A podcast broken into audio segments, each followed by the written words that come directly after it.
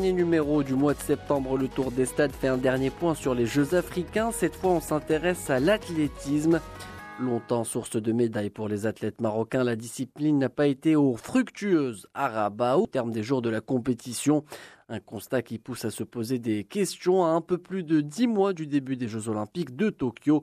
Alors comment expliquer cet échec? Qu'en est-il des prochains objectifs? Et est-ce que le Maroc peut toujours se permettre de rêver de médailles olympiques en athlétisme?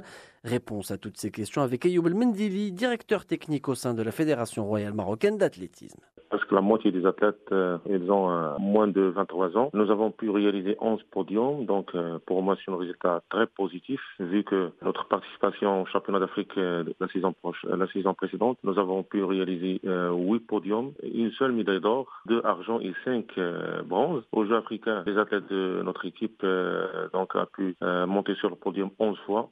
Donc c'est un résultat très positif. 5 bronzes et 6 argent. C'est vrai, notre souhait c'est de réaliser ou gagner des médailles d'or, mais les, circonstances n'étaient pas en notre faveur. Les athlètes potentiels de médailles d'or notamment euh, Sofiane Boukali, donc a participé 12 jours avant le final de troisième cycle aux Africains au meeting d'Amil à Paris, donc euh, 12 euh, jours avant, avec euh, le voyage, donc euh, n'a pas pu se régénérer pour être en forme le jour J. aussi, Rabab Al-Rafi a perdu la médaille d'or à la ligne d'arrivée, donc s'il a commencé plus tôt son finish, il peut gagner largement la, médaille d'or et aussi le, le, l'Ami Al-Habs, la championne d'Afrique l'année précédente, elle aussi elle a perdu euh, en quelques en centièmes de seconde. Donc, globalement, notre résultat est très positif, sachant que dès le départ, nous ne sommes pas sur les mêmes pieds d'égalité avec les pays nos concurrents potentiels, parce que c'est notre concurrent potentiel, certains parmi eux figurent toujours dans la liste noire, c'est-à-dire les pays dans les substances euh, prohibées et parmi les déterminants de la performance de leurs athlètes. Le Maroc il a été aussi dans la liste noire, mais grâce aux efforts de la fédération ces dernières années, a pu sortir de cette liste noire. Donc, euh, comme vous savez, au niveau d'Afrique, c'est très difficile de gagner une médaille d'or. Le six médailles d'argent gagnées aux Jeux africains valent de l'or. Alors euh, voilà les résultats concernant euh, l'athlétisme au Maroc dans ces Jeux africains. Ça vous a donné une idée concernant la compétitivité des athlètes marocains. On le sait que l'année 2020, c'est une année olympique.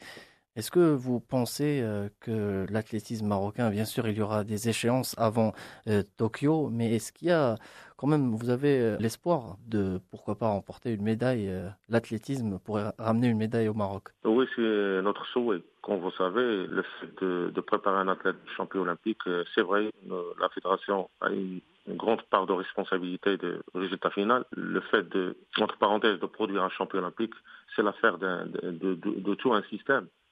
Euh, donc, euh, cette production des champions olympiques repose sur un ensemble d'acteurs et la fédération est parmi ces acteurs. La, médaille d'or, c'est un résultat d'un système, d'une politique nationale où il y a plusieurs acteurs, chacun joue son rôle. À titre d'exemple, par exemple, le, sport scolaire. Donc, euh, pour élargir la masse des pratiquants, il faut que le sport scolaire joue pleinement ses rôles mais je ne blâme pas le, le, les responsables du sport, scolaire parce que si, vous posez la, même question aux responsables de la Fédération royale marocaine de sport scolaire, ils vous disent qu'ils ont aussi, aussi des, des, problèmes qui entravent de jouer pleinement son rôle. Vous savez que approximativement le, nombre d'élèves, le nombre d'élèves est aux alentours de 8 millions, 8 millions d'élèves.